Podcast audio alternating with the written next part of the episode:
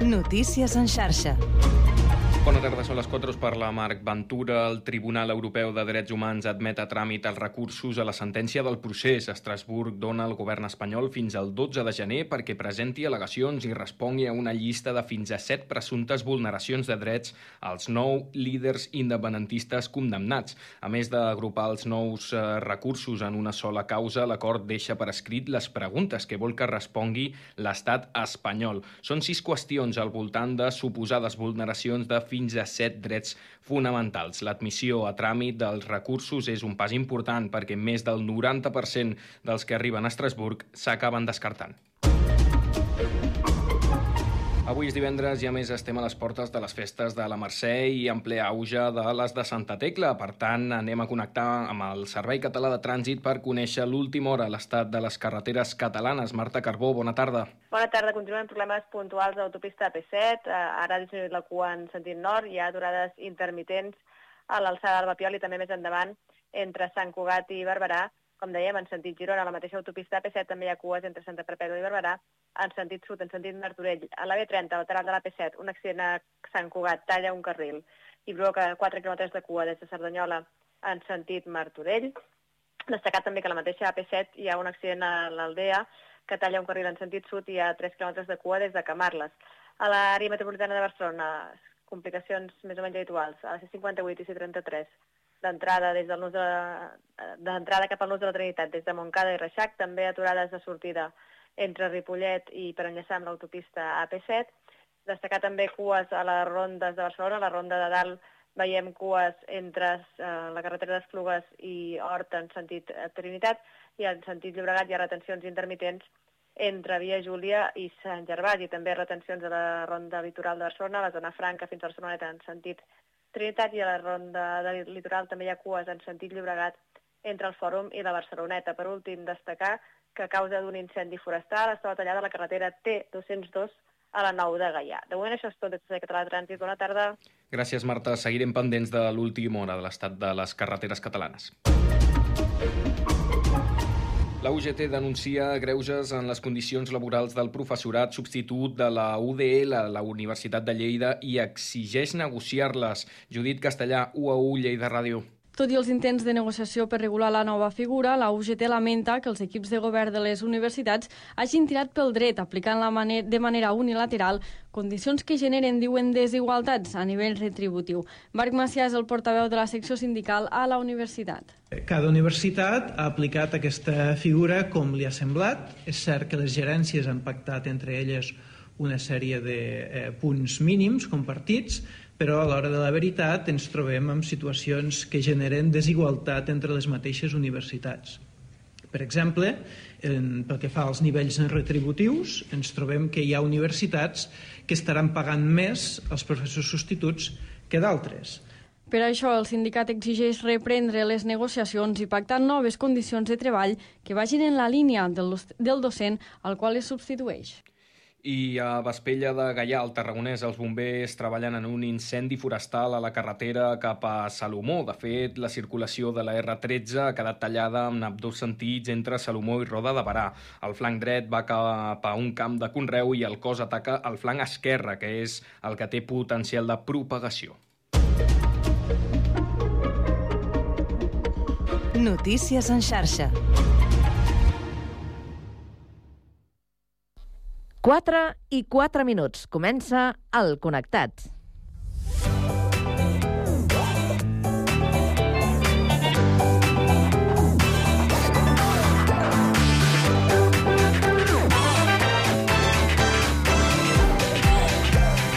Connectats amb Carme Reversa.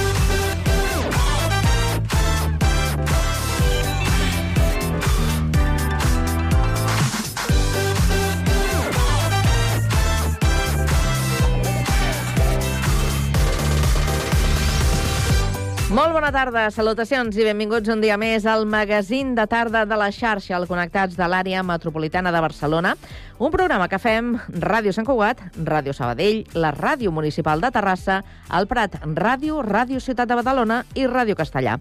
Una salutació de tot l'equip conduït a la part tècnica per Oriol Conomina, Jessica Rius a la producció i de qui us parla, Carme Reverte. Avui és divendres, per fi divendres, 22 de setembre, i volem saber quin temps ens espera aquesta tarda. Lluís Lluís Mi Pérez. Bon dia. Ha anat baixant una mica la temperatura al llarg de les últimes hores i sobretot és a l'interior i al Pirineu on a hores d'ara l'ambient s'ha renovat força. En aquests moments hi ha pocs núvols, alguns sí que romanen entre el Prepirineu i les comarques de Girona i, de fet, allà al nord del país és on aquesta tarda s'acabaran formant núvols més potents i acabaran deixant ruixats. Alguna pedregada, fins i tot, al voltant de les comarques gironines i neu a l'Alt Pirineu per damunt dels 2.100-2.200 metres d'altura. En canvi, a gran part del sud de Barcelona, comarques del centre i sud de Lleida, també totes les de Tarragona, el que farà és una mica més de vent i, per tant, s'endurà els núvols, però amb una temperatura que, com a molt, arribarà a ser agradable, no pas gaire calorosa. En vista el cap de setmana ja no s'espera que plogui, alguns núvols matinals el diumenge, demà també cap a l'Alt Pirineu i sobretot un contrast marcat de temperatura. Els matins ben frescos, sobretot demà al matí, i les tardes molt suaus. Fins i tot el diumenge tornarà a fer caloreta durant la tarda. Us seguirem a la xarxa.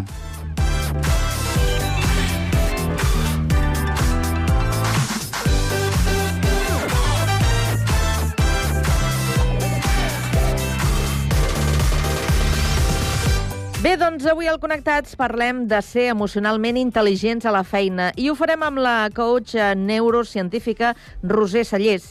Acabarem la primera hora amb la tertúlia generalista per parlar dels dies de demora per una cita al metge de capçalera i de les hores de feina al sector de l'hostaleria. A partir de les 5 coneixerem el pretenc David Airop, eh, fotoperiodista i pregoner de la Festa Major que comença precisament avui. Sabrem què ha fet bullir les xarxes aquesta setmana amb Jessica Rius, repassarem les estrenes cinematogràfiques amb Jordi Guillem i marxarem de cap de setmana amb l'agenda del Connectats. Tot això i més des d'ara i fins a les 6 de la tarda a la vostra emissora local. Connectats? Comencem.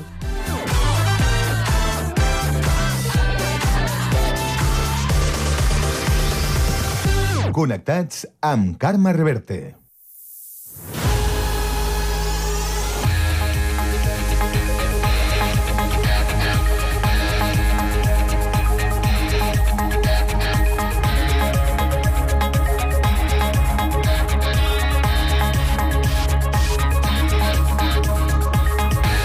A les 4 de la tarda i 7 minuts ens actualitzem i fem eh, un repàs a l'actualitat amb aquesta ronda informativa que obrim un dia més per Terrassa. Sergi Estapé, bona tarda. Bona tarda. El jutge de l'Audiència Nacional, Francisco de Jorge, ha citat a declarar en qualitat de testimonis a quatre treballadors de la Federació Espanyola de Futbol pel cas Rubiales, entre ells el terrassenc Albert Luque, que exerceix de director de futbol de la selecció espanyola masculina. Luque, exfutbolista professional, va ser internacional amb la selecció espanyola i va passar per equips com el Màlaga, el Mallorca, el Deportivo de la Coruña, Newcastle o l'Àgex. Els altres tres citats són Rubén Rivera, director de màrqueting, Patricia Pérez, cap de premsa de la selecció femenina, i Miguel García, director d'Integritat. No ha transcendit la data en la qual hauran de declarar, però les citacions seran efectives en els propers dies. Alguns dels noms apareixen durant l'interrogatori a Rubiales per part de la fiscal que porta el cas, Marta Durantez. Tots quatre seran interrogats en relació amb la querella per presumptes delictes d'agressió sexual i coaccions de l'expresident de la Federació, Luis Rubiales, a la jugadora Jenny Hermoso. Gràcies, Sergi. I ara seguim al Vallès, a la cocapital de la comarca Sabadell. Pau Duran, bona tarda. Bona tarda. L'Ajuntament de Sabadell estaria estudiant la reforma del mercat de Campo Amor, segons la plataforma de veïns que defensa la infraestructura. Les paradistes actuals haurien rebut una comunicació municipal en aquest sentit al mes de juliol. El govern local ha dit als establiments que la reforma de l'espai està en estudi. El portaveu de la plataforma, Ramon Jiménez, ha donat la bona notícia. La buena noticia es que el pasado mes de julio a los paradistas les llegó por un escrito vía formal eh, un comunicado del gobierno municipal en el cual expresaban que en un periodo relativamente próximo habría eh, una reforma del mercado de Campo Amor. Están estudiando diferentes proyectos, a falta de concreción de los mismos y de a falta de información, por eso convocamos la rueda de prensa, pero sobre todo hacemos hincapié en agradecer ese gesto por parte del gobierno municipal y el de cómo pueden como como agente colaborador en el mismo. Davant la manca de més informació, han enviat un plec d'aportacions al projecte amb la intenció d'enriquir-lo. Ara els preocupa que les dues paradistes que encara estan obertes s'hi puguin mantenir fins i tot mentre s'executen les obres i que la tercera que té la llicència en tràmit també hi sigui comptada. Gràcies, Pau. I del Vallès anem al litoral, concretament a Badalona. Andrea Romera, bona tarda. Bona tarda, Carme. Dos menors han estat detinguts aquest matí per la Unitat Central dels Mossos contra agressions sexuals per la seva implicació en una violació grupal a un altre menor d'edat el passat 3 de juny. Els detinguts han passat a disposició de la Fiscalia de Menors. Recordem que els fets van tenir lloc a la zona de la platja de Badalona i que el cas va sortir a la llum abans de l'estiu. En aquell moment, des del cos policial s'apuntava a un grup d'entre 6 i 7 adolescents implicats, entre els quals la parella sentimental de la víctima. Arran de l'anunci de les detencions, l'alcalde Xavier García Albiol ha comparegut davant dels mitjans per defensar que, un cop constituït el Congrés dels Diputats, es posi sobre la taula modificar la llei del menor. García Albiol assegura que la legislació actual no és suficient per evitar violacions entre menors, ja que, segons afirma, molts casos es resumeixen a una multa que assumeixen els progenitors. Té que haver una reforma la llei del menor perquè el menor que du a terme un delicte tan greu com és la violació d'una nena, d'una menor d'edat, ha de tindre conseqüències. I jo sóc el primer que defenso que es té que treballar de manera transversal amb els responsables quan són menors d'edat, des d'un punt de vista educatiu, des d'un punt de vista social, però també es té que treballar des d'un punt de vista judicial. L'Ajuntament de Badalona ha anunciat que posarà a disposició de la víctima totes les eines de suport, assessorament i acompanyament. Gràcies, Andrea. Ens acostem ara al Prat de Llobregat. Lluís Rodríguez, bona tarda. Bona tarda. El lobby ambientalista Oikia ha proposat alternatives a l'allargament de la tercera pista de l'aeroport del Prat. Considera que el principal problema és la inexistència d'un model aeroportuari català eficient i remarca que la gestió del Prat, Girona, Reus i Lleida, així com la seu d'Urgell, està repartida entre ENA i la Generalitat i això provoca falta de coordinació entre les dues administracions. Aquest grup de persones expertes aposten per la interconnexió ferroviària entre els diferents aeroports, com també defensa l'Associació per la Promoció del Transport Públic, la PTP, fet que afavoriria una millor gestió la distribució dels vols. Oikia també critica que s'ha ignorat l'afectació que tenen els vols en la salut de les persones, especialment amb l'actual context d'emergència climàtica. Gràcies, Lluís. Tornem al Vallès, en concret a Castellà, on tenim ja a punt Guillem Plans. Bona tarda. Bona tarda. La CUP, a través d'un comunicat públic, ha mostrat la seva preocupació per l'ús de l'Auditori Municipal de Castellà per part de l'humorista Toni Muc, que actuarà el proper dissabte a judici dels copaires locals. Un espectacle que difon un discurs xenòfob i sexista no té cabuda en les instal·lacions municipals ni al poble. En aquest sentit, es pregunten quins criteris hi ha per llogar un espai públic a una empresa privada. Gràcies, Guillem. Ara d'aquí una estona tornarem a Castellà. De moment ens quedem a Sant Cugat per repassar l'actualitat amb Jessica Rius. Bona tarda, Jessica. Bona tarda. Doncs fa anys que el Club Júnior treballa i lidera un projecte per construir un complex esportiu de primer nivell per a l'hoquei herba català i espanyol. L'equipament previst en uns terrenys municipals a tocar del Club Sant Cugatent que s'hauran de requalificar inclou dos camps d'hoquei herba, un de gran reglamentari per acollir competicions internacionals, un de petit un pavelló, un gimnàs, uns vestidors i un edifici amb sales de formació. Segons ha sabut Coat Mèdia, aquest projecte ja el coneixien i veuen amb bons ulls la Secretaria General de l'Esport de la Generalitat, la Federació Catalana d'Hockey Herba i l'Ajuntament de Sant Cugat. Preguntat al consistori per aquesta proposta, la regidora d'Esports, Núria Escamilla, al programa Esports a Esport en Marxa d'aquest dilluns n'ha parlat així. Un altre camp de hockey herba i també un pavelló. A un pavelló no es podria fer hockey sala, més una altra sala de gimnàs, més realment un projecte molt maco i molt gran, perquè hi ha uns terrenys que s'han de canviar el, el seu ordenament, el seu ordenament eh, urbanístic. Exacte. Bueno, ho hem de valorar i, i hem de mirar també la manera de fer-ho perquè seria a través de la Federació Catalana d'Hockey i bueno, s'ha d'estudiar el tema, però sí el tenim sobre la taula. El projecte, si arriba a bon port, servirà perquè la Federació Catalana i l'Espanyola puguin disputar entrenaments i partits oficials, a més d'acollir competicions internacionals.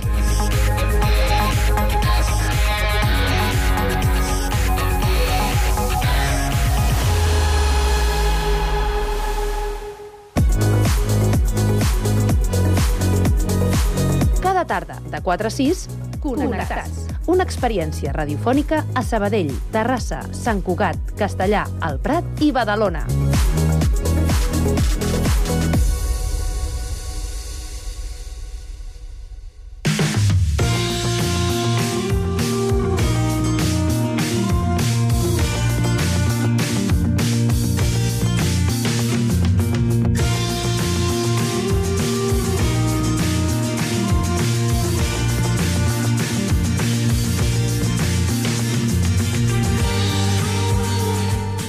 Segur que us haureu preguntat en algun moment de la vostra vida què és tenir una bona intel·ligència emocional. Ens pot ajudar a estar millor? I laboralment? Avui sortim de dubtes amb la coach Roser Cellers, encarregada d'impartir tallers sobre aquesta qüestió. Des de Ràdio Castellà, Guillem Plans. Bona tarda. Bona tarda, Carme. Doncs aquesta setmana, durant tres dies, el Servei Local d'Ocupació de l'Ajuntament de Castellà ha organitzat un taller que relaciona la intel·ligència emocional i l'àmbit laboral. L'ha impartit la coach Roser Cellers. Aquí tenim el telèfon. Molt bona tarda, Roser. Hola, bona tarda, Guillem. Comencem definint què és la intel·ligència emocional. Sí, doncs mira, la intel·ligència emocional eh, és la suma de dues intel·ligències, la intrapersonal i la interpersonal. Aquesta seria potser la definició més simple, no? Però potser seria més fàcil d'entendre si et dic que és la suma de gestionar-me jo emocionalment, és a dir, d'identificar les meves emocions i de regular-les per tal d'afavorir els meus objectius, i les habilitats socials, és a dir, tenir habilitats socials, que són aquelles maneres de fer o de comportar-se, siguin verbals o no verbals, doncs que serveixen per afavorir les relacions amb els altres. En definitiva, la intel·ligència emocional és la suma d'això, de, de la gestió emocional i de les habilitats socials, i això ens ajuda no només a nivell laboral, sinó en tota la vida. Com és una persona amb intel·ligència emocional? Com la identifiquem? Quins són els seus trets distintius? Mira, una, una persona amb intel·ligència emocional eh, és una persona que es coneix a si mateixa, és una persona que se sap autorregular, que se sap automotivar, és una persona que arriba a un nivell de benestar basada en les circumstàncies, siguin les que siguin, amb ella mateixa, és a dir, que se sap treballar a si mateixa, eh? aquesta intel·ligència interpersonal que dèiem, quan dintre de les intel·ligències múltiples, de les nou intel·ligències múltiples, aquesta interpersonal que parlàvem abans, i eh, que alhora se sap eh, relacionar bé amb els altres, és dir, que sap escoltar els altres, que sap empatitzar, eh, que sap ser assertiva, que sap dir les coses, eh, però que sap fer com mantenir bones relacions amb els altres. Mm. Eh? Aquesta seria una mica com reconèixer una persona amb intel·ligència emocional. En l'àmbit laboral en concret, per què és important tenir una bona intel·ligència emocional i treballar-la, esclar? Uh -huh. Mira, en l'àmbit laboral és molt important perquè últimament tothom que ha estat en la recerca de feina i s'ha deixat assessorar eh, s'estan fent currículums per competències i precisament la intel·ligència emocional és una competència transversal clau per l'ocupabilitat de les persones. I no, per un, no és un caprici, és una necessitat. Cada vegada hi ha més informació, estem en l'era del coneixement, hem passat de l'era industrial a l'era del coneixement, eh, cada vegada hi ha més persones persones molt especialistes en determinades àrees i llavors es necessita per innovar, per resoldre conflictes, és a dir, per avançar en el món de l'empresa, es necessita el treball en equip. Mm, ja et dic, no és un caprici, és una necessitat, no?, haver de treballar en equip. I per treballar en equip, doncs, els equips estan formats de persones perquè sigui un bon equip i un equip d'alt rendiment ha de ser un equip quan més divers millor, llavors és molt important que les persones, i més siguin diverses, se sàpiguen relacionar entre elles, no? que sàpiguen entendre els altres, que sàpiguen com dir les coses, com comunicar, eh, etc. Llavors, eh, per poder treballar ben equip, i el treball en equip és bàsic en l'empresa o en el món laboral actual, eh, la intel·ligència emocional és molt i molt important. Hi ha qui diu que està entre les cinc més importants actualment. I ja que quan es fa un procés de selecció moltes vegades i és lo aconsellable, no tothom ho fa, perquè encara convivim empreses de l'era industrial amb empreses de l'era del coneixement, eh? i n'hi ha d'altres que estan en trànsit, no? Però en una bona entrevista, en una bona selecció de personal, eh, les competències cada vegada tenen més valor. Uh -huh. I la intel·ligència emocional és una d'elles. Com ho pot fer una empresa per saber si un candidat a entrar a, a treballar és emocionalment intel·ligent? Hi ha moltes maneres de saber-ho. Eh, mira, d'entrada, mm, si ho vols així medir eh, amb una mètrica, hi ha molts testos de diferents empreses, eh, que, sobretot empreses orientades a la consultoria o al món de la selecció personal, eh, que valoren el nivell d'intel·ligència emocional de les persones, és a dir, eh, desglossen totes aquestes competències emocionals, totes aquestes habilitats socials i hi ha testos. És a dir, que aquí és una mètrica, com un test, qualsevol, com qualsevol altre test, no? Mm, com es pot veure també la intel·ligència emocional de persones? Doncs amb aquestes dinàmiques que es fan, que actualment eh, moltes empreses fan dinàmiques, inclús entre tots els candidats que es presenten, eh, els reuneixen en grup i fan diferents dinàmiques i allà es veu com es comporta la persona, com actua davant de determinades situacions, no? Si és una persona que actua més sota la por, és més aviat sumís o passiva, o si és una persona molt agressiva, o si és una persona més assertiva, més que sap entendre, que és capaç d'empatitzar. Es veuen eh, és a dir, el, el, el, simulen situacions on es veu com és la persona. I aquí surten totes aquestes competències i, i es veu si la persona és emocionalment intel·ligent. Um, I et diré més, eh, amb una simple entrevista, si la persona que està fent l'entrevista coneix una mica el que és la intel·ligència emocional, amb determinades preguntes, encara que la persona el vulgui enganyar, com que no es tracta només del que em diu la persona, sinó també de veure la comunicació no verbal i paraverbal que hi ha, sap detectar el grau d'intel·ligència emocional. Potser no precisament, però pot veure si és una persona que està bastant treballada en aquest sentit o és una persona que està més verda, per dir-ho d'alguna manera. Eh? Mm. És a dir, que amb una simple entrevista també es pot veure igual que la vida, amb una simple conversa t'acaben de presentar una persona i pots veure una mica com és aquella persona, no per etiquetar-la, però sí que si coneixes una mica el que és la intel·ligència emocional ho veus de seguida, es veu, però clar, has de tenir els coneixements. Uh -huh. Roser, al llarg de la conversa has explicat que es treballa. Ens pots oferir alguns consells per millorar? Perdona, no, no t'he entès bé ara la pregunta. Se m'ha anat una mica com la veu i m'ha quedat com una interferència i no sé ben bé què m'has demanat. Si m'ho pots repetir, sisplau. Sí, per, per descomptat. Al llarg de la conversa ens has explicat que la intel·ligència emocional es treballa. Ens pots oferir alguns consells per fer-ho? Sí, sí, sí. És a dir, nosaltres, eh, el primer que podem fer per treballar entre la intel·ligència emocional és eh, fer una introspecció, analitzar-nos a nosaltres mateixos, eh, identificar quines són les emocions que vivim en cada moment, perquè moltes vegades no sabem ni el que sentim, eh, identificar què sento i veure què em diu aquesta emoció que sento i quin comportament em provoca, és dir, des d'on actuo, des d'on responc, eh, les coses que faig, des d'on les faig, i veure si això em porta cap allà on vull o em porta a tot el contrari. Si, si, si em porta allà on vull, doncs he seguit la línia, no? Perquè vol dir que vaig bé. Si no, és replantejar-me i començar potser per fer una gestió emocional a nivell meu propi, intern, i després també analitzar com em relaciono amb els altres. És a dir, mm, si jo sóc una persona agraïda, si sóc una persona que sap dir que no, si sóc una persona que sap demanar el que vol, eh, des d'on actuo? Des de la por que diran o des de que vulgui imposar la meva voluntat? És a dir, saber quin és el meu estil comunicatiu, a quines són les meves habilitats. Tot això es fa des de, des de la introspecció, és un treball personal. És el que jo els dic en el curs. El primer és treballar amb nosaltres. Si nosaltres canviem, tot canviarà. Mm. En una feina, què passa si nosaltres estem treballats emocionalment, però el nostre superior o l'entorn, els companys de feina, no? És aleshores quan es genera un clima de mala maror?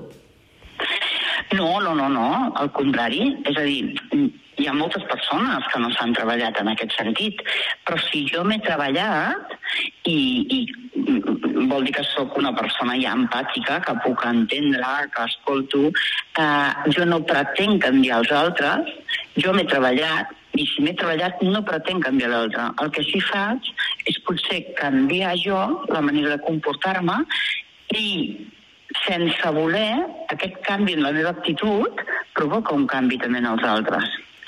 Llavors, jo no puc canviar ningú, però si jo sóc capaç d'entendre-ho, prendré les meves decisions. A lo millor jo estic fent tot el que està al meu abast i m'estic adonant que les coses no van bé i que jo no estic a gust i que ho estic passant malament. Doncs sóc lliure de prendre la decisió d'anar-me. El que no puc pretendre és perquè, com que jo em vull quedar perquè és el més còmode quedar-me en aquesta empresa, canviar l'altra.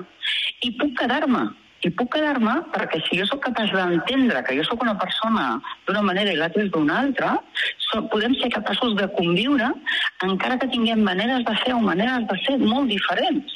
Llavors, mm, jo em puc quedar a l'empresa convivint amb persones que no tenen intel·ligència emocional precisament perquè jo en tinc.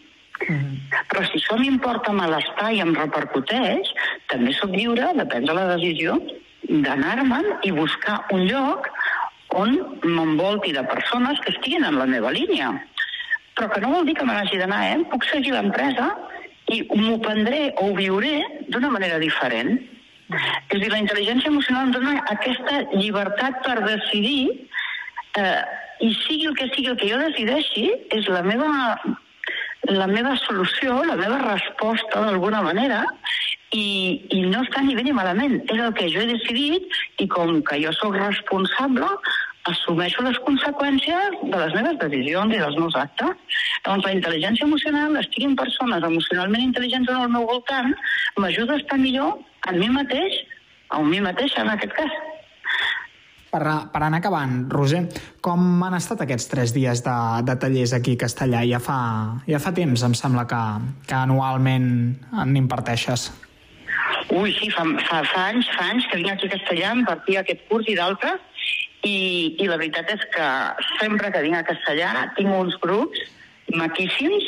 Jo eh, els dic a les tècniques del servei d'ocupació que no sé com s'ho fan per fer la promoció i la selecció, però la veritat que i aquest grup últim n'ha sigut una mostra més, és gent que ha moltíssimes ganes, gent que participa, que fem col·loqui, que, que, que, que vol millorar com a persona, que, ei, molt que han sigut tres dies super intensos, tres matins molt, molt intensos, però és que jo m'ho he passat tan bé amb aquest grup perquè era molt i molt receptiu i molt participatiu i és el que has dit ara quan hem acabat, no? que bueno, que, que, que el que espero és que apliquin tot això que ha sortit aquí i que segur, segur, que no només a nivell laboral, sinó a nivell vital, eh, tot canviarà i aniran aconseguint aquestes fites que s'han proposat. Un grup maquíssim, maquíssim. L'he disfrutat moltíssim, de veritat. Ho, ho celebrem. Quina mena d'ofertes ofereixes de tallers? A institucions, a entitats, a persones eh, en particular? Jo, mira, en aquest cas eh, és un curs eh, de, subvencionat per la Diputació de Barcelona, Eh? I jo en el recull de la Diputació de Barcelona hi tinc diversos cursos que jo imparteixo directament, n'hi ha dos, aquest i un altre, aquest es titula La intel·ligència emocional t'obre les portes, eh, com a subtítol la competència transversal eh, clau per l'ocupabilitat, i l'altre que tinc en el recull aquest de Diputació de Barcelona subvencionat es titula Si la vida et dona llimonades, fes llimonada, i com a subtítol resiliència motivadora, on es treballa molt la resiliència, l'actitud, la motivació de les persones i hi ha una sèrie de pautes tant de treballar-me jo com de l'entorn per poder-me reinventar, per poder assolir i fer possible això que vull a nivell laboral.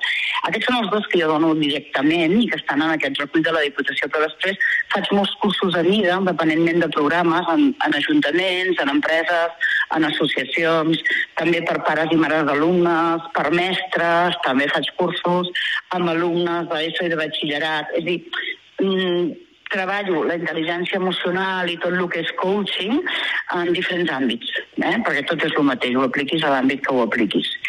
I dir que doncs això, que puc fer molts cursos dintre de lo que és el coaching, la intel·ligència emocional, la PNL, neurociències, són temes comunicació, lideratge, val? Eh, tots són cursos que van en aquesta línia. I si algú hi està interessat, com et pot trobar, Roser? Doncs mira, mmm, tinc una pàgina web que es diu coaching-rosessallers.com i a les xarxes socials no estic gaire activa i també amb el meu telèfon mòbil, que sempre contesto, el millor és un WhatsApp perquè el tinc quasi tot el dia en silenci perquè estic amb gent, que és el 678 46 3344.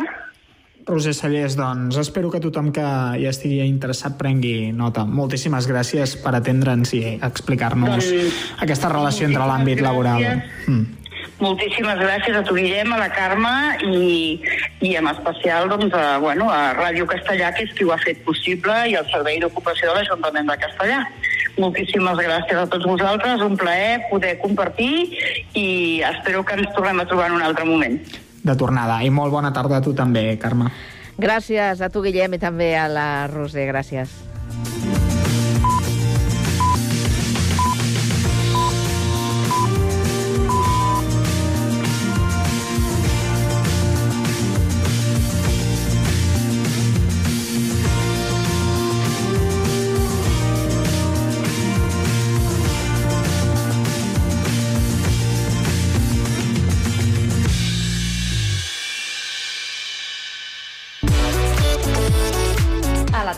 No et desconnectis.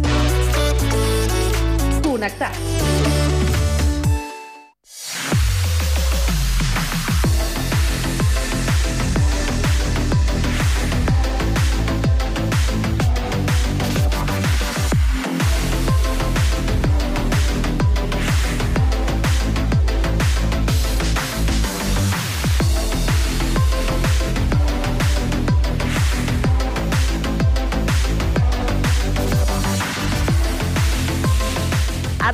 Puntuals a la cita amb eh, la tertúlia d'aquest divendres.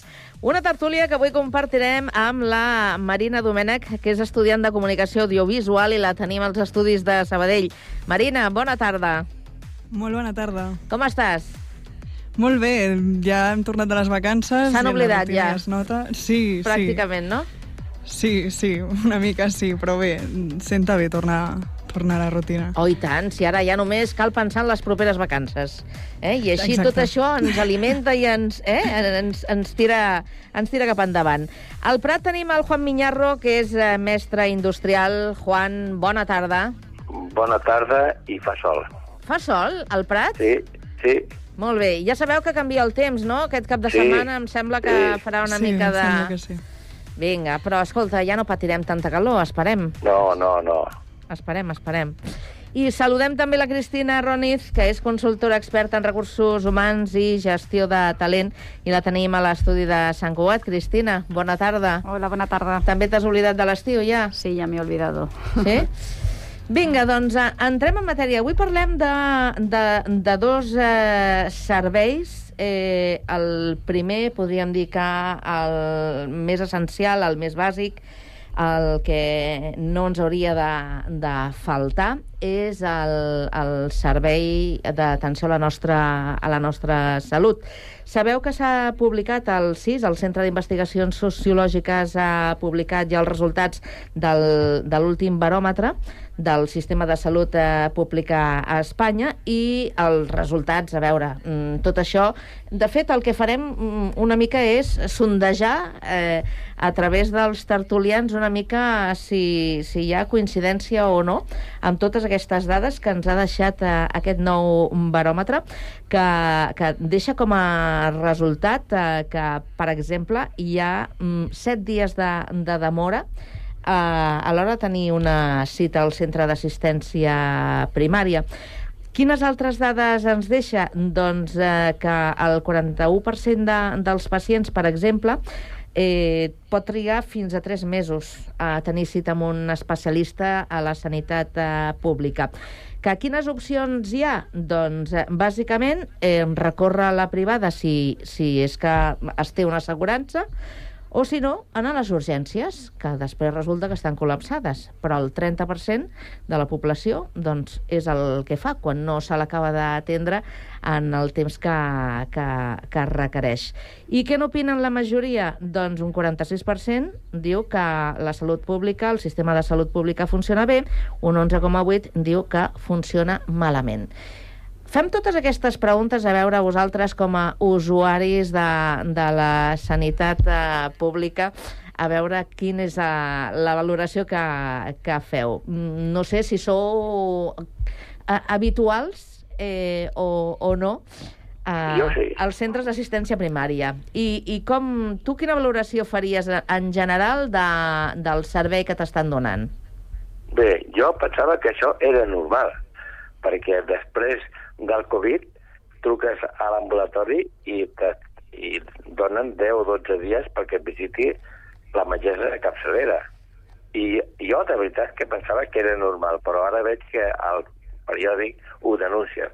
Tenen raó, perquè quan estàs malalt potser no pots esperar-te 7 o 8 dies a que et visiti la metgessa o el metge. Però, però jo ho trobo bastant normal, perquè és que hi ha un cap sidral als centres de, de salut que és... I després això ho has de fer per telèfon, tens que trucar per telèfon. Si et fan una analítica, et truca el metge i et diu, escolti, allò està bé, allò altre no, no. Jo tinc un metge de capçalera i m'agradaria veure'l personalment. Però no funciona. Llavors, què passa? Jo l'altre dia necessitava un, una visita ràpida. Vaig anar per urgències, em van passar al metge i fantàstic. Però, clar, aquest no és el camí. El camí és que el metge de família et visiti perquè et coneix i sap les teves malalties. Però no, no funciona, et donen 7, 8, 10 dies i, bueno, jo m'he operat de cataractes i d'una operació d'un ull a l'altre m'han tingut esperant 6 mesos. Sí, sí, sí, sí. sí, no, sí. m'ha- no m'ha passat res, no m'ha passat res, però i si em passa?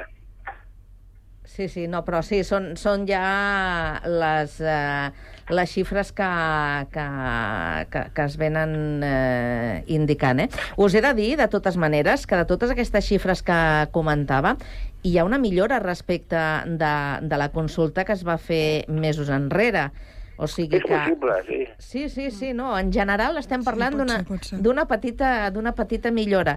Ara, que mm, tampoc no és perquè ens quedem tan, tan, tan tranquils, tan tranquils. No, perquè quedem tranquils i satisfets, no. Jo és això, això de demores de més de 7 dies, mm, les malalties, el dolor i el patiment no s'atura. Tu, tu no pots posar un pausa i dir fins que no em vegi un metge jo deixaré de patir i deixaré de tenir el que tinc.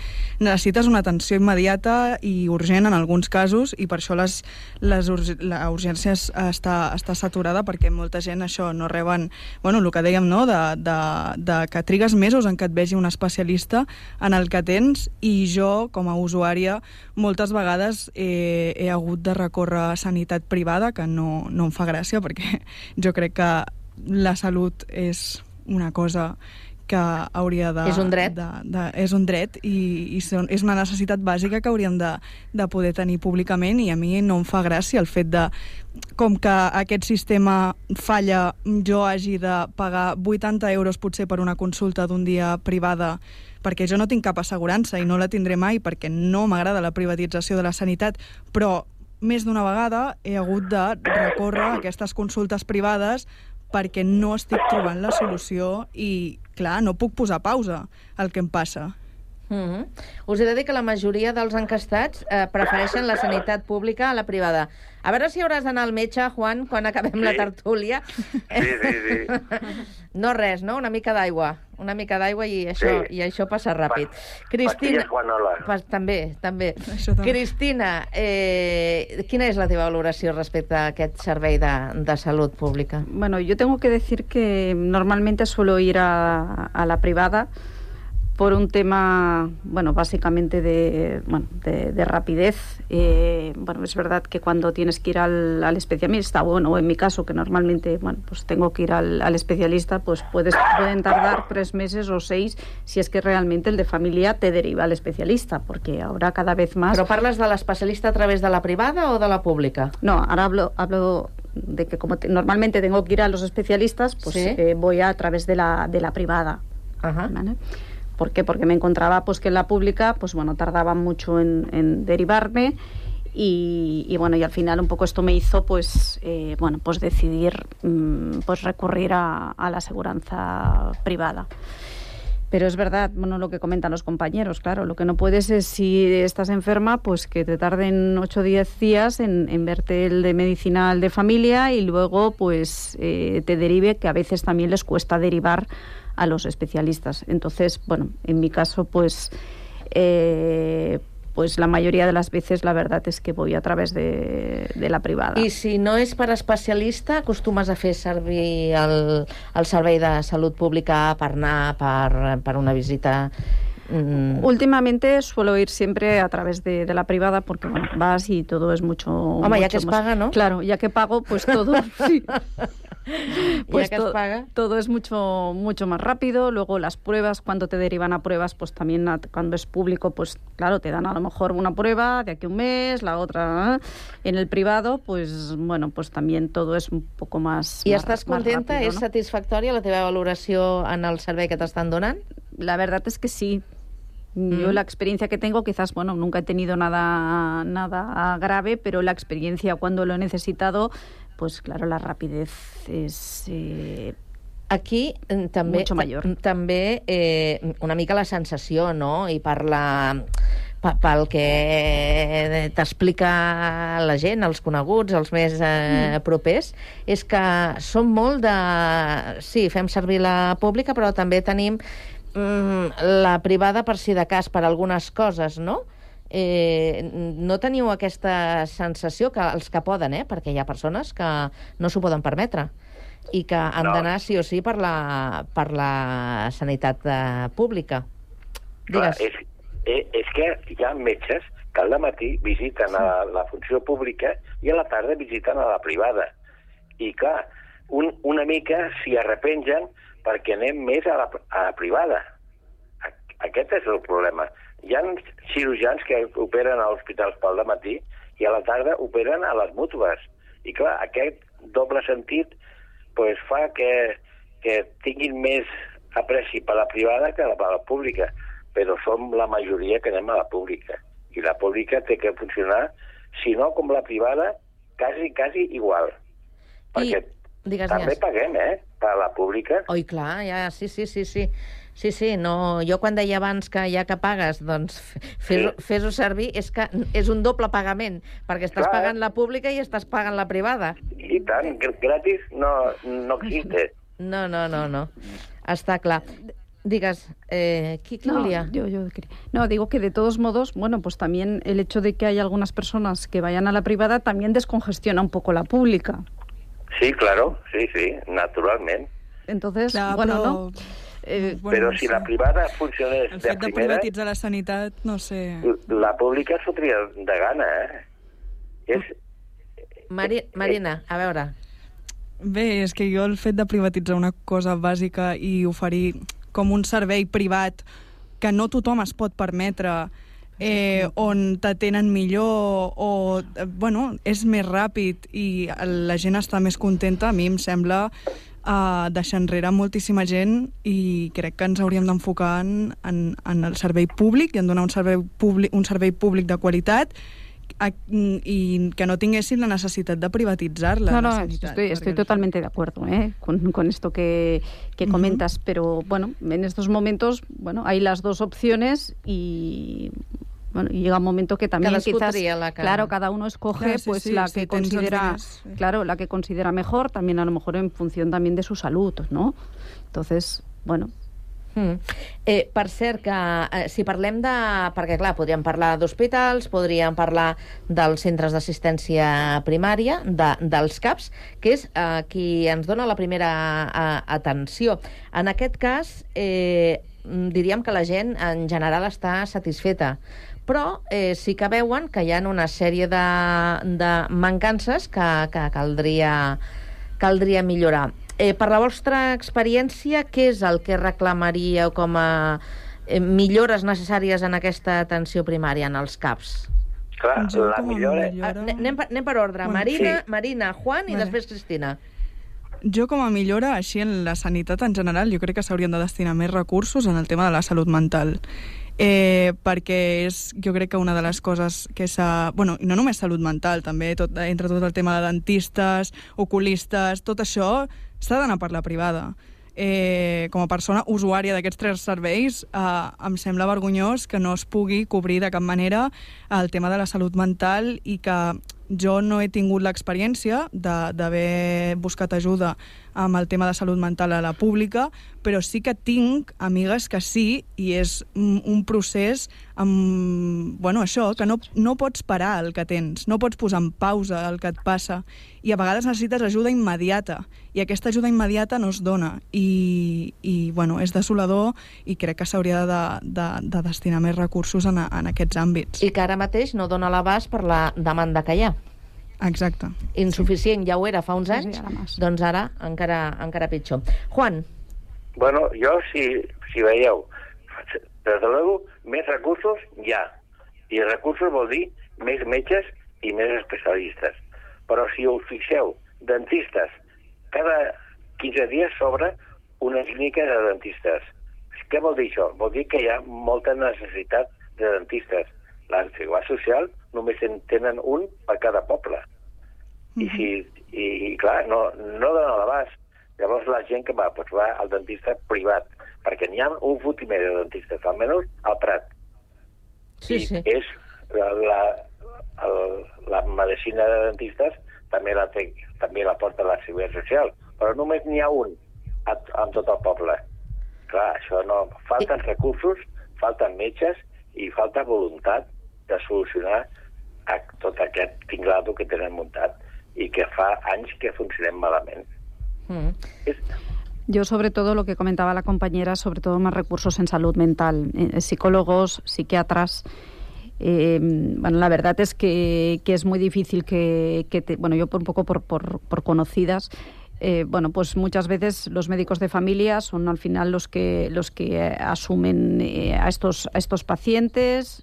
bueno, al final, pues sin ningún les les enchufan un poco pastillas y ahí acaba la cosa, ¿no? Entonces, bueno, creo que ahí es donde realmente hace falta muchísimos muchísimos recursos de, de psicólogos y de psiquiatras y que los pacientes lo que no puede ser es que puedas te den una visita cada seis meses. No puede ser porque en esos seis meses con una enfermedad mental pueden pasar muchísimas cosas.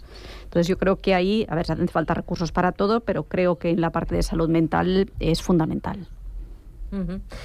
Bé, doncs eh, tornem a recordar eh, que les dades que hem comentat al principi, eh, de fet, eh, presenten una petita millora respecte a l'anterior barò- baròmetre que, que es va fer per part del Centre d'Investigacions eh, Sociològiques. Anem a un altre tipus de, de servei. Anem al sector de, de l'hostaleria. Estem parlant de dos sectors que, si us en recordeu, quan la pandèmia doncs, eh, van tenir molt, molt protagonisme. Eh, en el sector de, de l'hostaleria, aquesta setmana hi ha hagut unes declaracions del president de la Confederació Hostelera de- d'Espanya de, que, bueno, fent una mica un xascarrillo, fent una mica d'ironia, doncs eh, mm, va venir a dir que, escolta, que tota la vida hem estat fent mitja jornada, treballant de 12 a 12, i que la gent jove no sé de què es queixa, vull dir que no, saps? Com traiem ferro a, a, la, a la situació. Clar, mm, li han plogut eh, pals per tot arreu i el senyor ha hagut de, de sortir eh, per demanar disculpes i, i excusar-se dient que va fer servir una broma inadequada perquè el tema és un tema, un tema ben, ben seriós.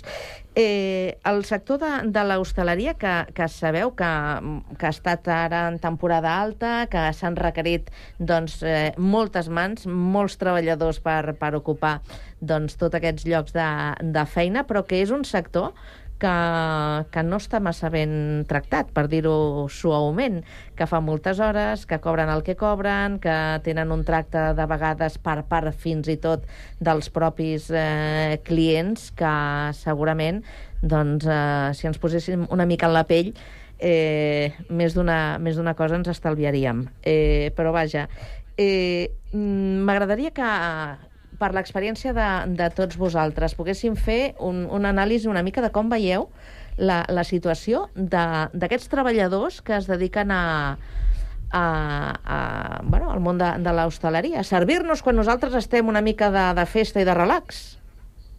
Bé, jo conec alguns restaurants del Prat i hi ha restaurants que fan dues jornades. La gent, els camarers entren al matí i el que va de matí no va de tarda. Però hi ha algun restaurant que els mateixos que entren a les 7 i mitja o les 8, te'ls trobes a les 8 de la nit allà treballant. I és el que voldrien els empresaris, que treballessin 10 o 12 hores sense parar. N'hi ha casos, i també hi ha casos que fan dos torns, un de matí i un de tarda. Però és, mira, eh, jo veig que últimament bar que es tanca, bar que obren els xinesos. Perquè, sí, perquè és així, perquè, per, perquè és molt dur el, el bar. I els xinesos no tenen problemes. Treballen 10 hores, netegen, algun dorm al bar i tots contents. I, això I no li preguntis no, el sou, no li preguntis el sou perquè... No, no, no, no, no, no perquè a més l'amo d'aquell restaurant ni ve, perquè mm. això també és un, un cuento, això del, dels xinesos. I ja. cada vegada hi ha més bars que porten els xinesos. Perquè... Eh, eh, és una realitat, eh, Juan? La veritat és que mm, és, és un apunt que, que, que no podem obviar però no. Que, que no perdem de vista que vivim en un país on existeixen els drets laborals i que quan tu prestes els teus eh, serveis perquè hi ha un contracte entre les dues parts, doncs el mínim que hauria de passar és que respectessin aquestes Clar, condicions. No? Clar, sí, sí, sí, sí, sí. Els pakistanesos tanquen a les 12 de la nit als comerços que hi ha al carrer. Sí, sí. Vull dir que i, i això és il·legal, dur, esclau... Bueno, ja no tinc paraules per dir-ho. Bueno, mira, has dit una que és bastant clau, que és la d'esclau, no? Sí. Mm, sí, sí. Una, una mica és la, la descripció d'aquestes situacions que tu ara explicaves. Marina? Bé, jo crec que al món de l'hostaleria eh, l'explotació laboral en molts casos és el pa de cada dia i això, que aquestes afirmacions que ha fet aquest, aquest senyor, la veritat és que la disculpa de després és molt poc sentida i, i totalment justificat totes les crítiques que, que ha rebut, perquè al cap i a la fi uh, surt dient que els joves, no, millennials, generació Z, jo com a generació Z m'emprenya molt que se'm digui que és que els joves actualment ja no volen treballar. No, sí, volem treballar, però volem treballar amb un treball digne i amb unes condicions garantides. I si ens explotes, doncs t'ho direm, i et farem veure que això no està bé. I ell com a empresari que s'està tot el dia rascant la panxa a casa seva mentre explota els seus treballadors ell està molt content perquè ell surt guanyant. I ell està molt feliç d'anar guanyant diners a costa del treballador i de totes les coses que fa. I després ha sortit dient que està absolutament afligit per un comentari, per una broma perquè clar, hem de recordar que és una broma, no? Perquè som nosaltres que ens ho hem pres malament, que ell no ha sigut la seva intenció, que és que som la generació de, de vidre, no? que ja no es pot fer bromes amb nosaltres. No, perdona, això no és una broma, això tu ho penses i tu ho has dit per alguna cosa. I això ho has d'analitzar i has de ser conscient, empresari, que tu estàs explotant els teus treballadors i que no ens mereixem que ens explotin. I ja està, i volem drets. Volem drets i ell, clar, és que es beneficia d'això, del, de, del fet de treure'ns els drets com a treballadors, i això no podem seguir permetent-ho, i tampoc podem seguir permetent que els joves se'ns digui que no volem treballar, perquè sí que volem treballar, però en unes condicions dignes. I ja està. -huh. Bueno, yo estoy de acuerdo ¿eh? con lo que comenta con lo que comenta Marina, que realmente este señor dijo lo que pensaba. Ahora ha dicho que era una broma, pero dijo realmente lo que pensaba. Eh, bueno, el sector de, de, la hostelería sabemos que, bueno, pues es, tradicionalmente ha sido un sector, un sector duro, uh -huh. exacto, un sector duro. Eh, todavía hay muchos empresarios que continúan con, esa cultura de, hace años, que ahora ya en nuestro país, probablemente los pakistaníes, los chinos todavía están en esa cultura, ¿no? De trabajar eh, 20 horas diarias. Aquí en nuestro país ya esa cultura ha pasado. Sobre todo, pues bueno, los, jóvenes pues tienen, muy claros sus, derechos. Eh, y creo que tiene que ser así, tienen que defender sus derechos y que no los exploten.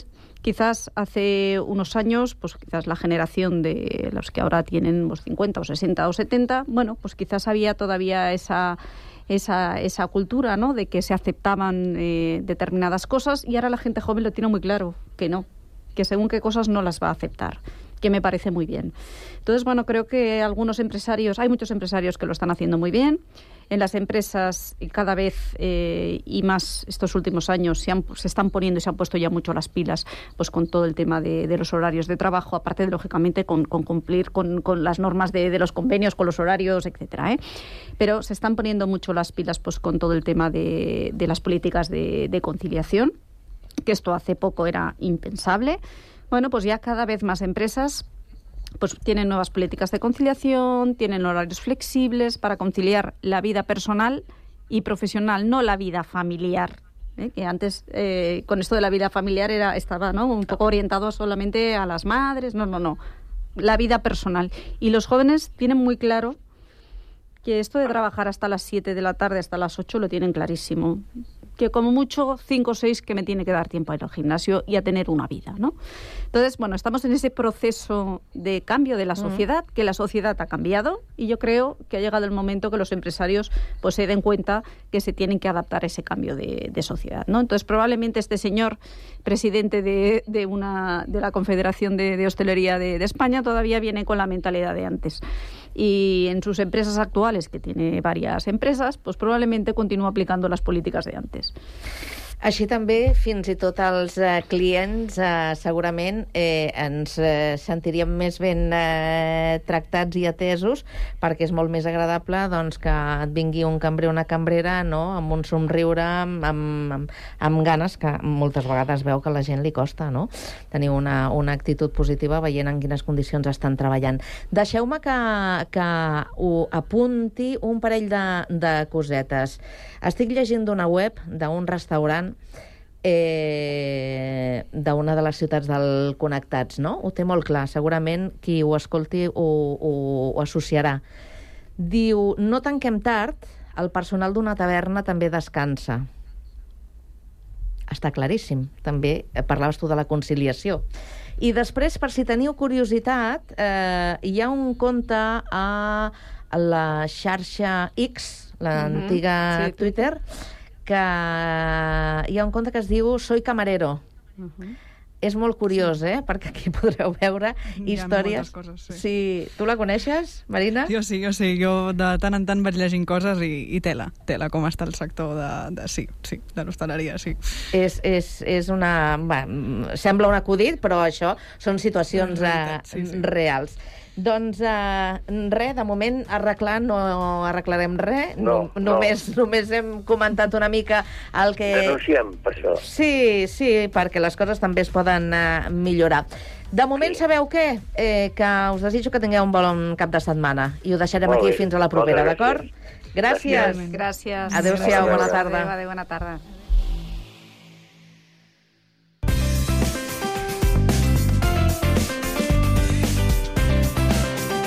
Ràdio Sant Cugat, Cugat Mèdia, 91.5 FM.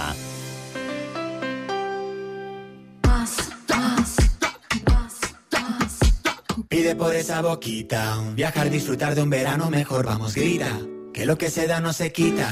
Tot el que li demanes a l'estiu, demana-li al nostre assessor i aconsegueix fins a 500 euros en un cupó regal del Corte Inglés i molt més. Consulten les condicions. Viatges al Corte Inglés.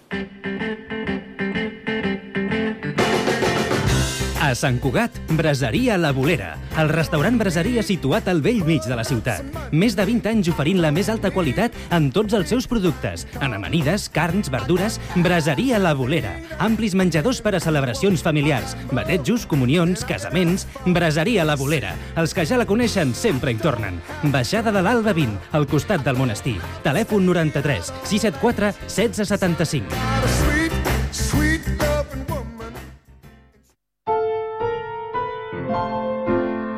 L'Associació Amants del Teatre i Ràdio Sant Cugat Cugat Mèdia t'apropen grans obres de la literatura a través de la oïda. Doncs aquesta té un cert tràfic... Vet aquí, ja volia dir jo. És una bogeria, una barbaritat. Et diré el meu nom a l'orella, escolta. Oh! La vídua es posa ràpidament al llit. Radioteatre amb obres de Jean Cocteau, Martí Boada, Robert Robert, Mercè Rodoreda, Pere Caldés o Anton Chekhov. Al 91.5 FM i a www.cugat.cat.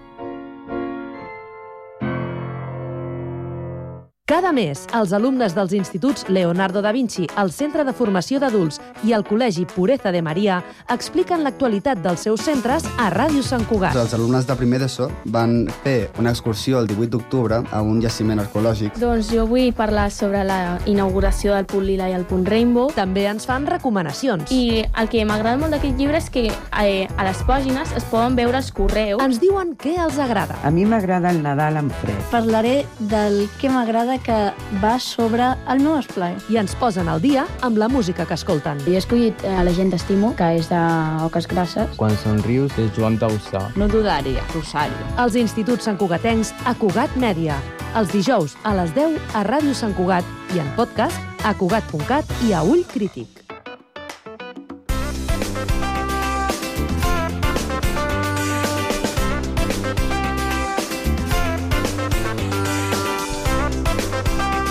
Ràdio Sant Cugat. www.cugat.cat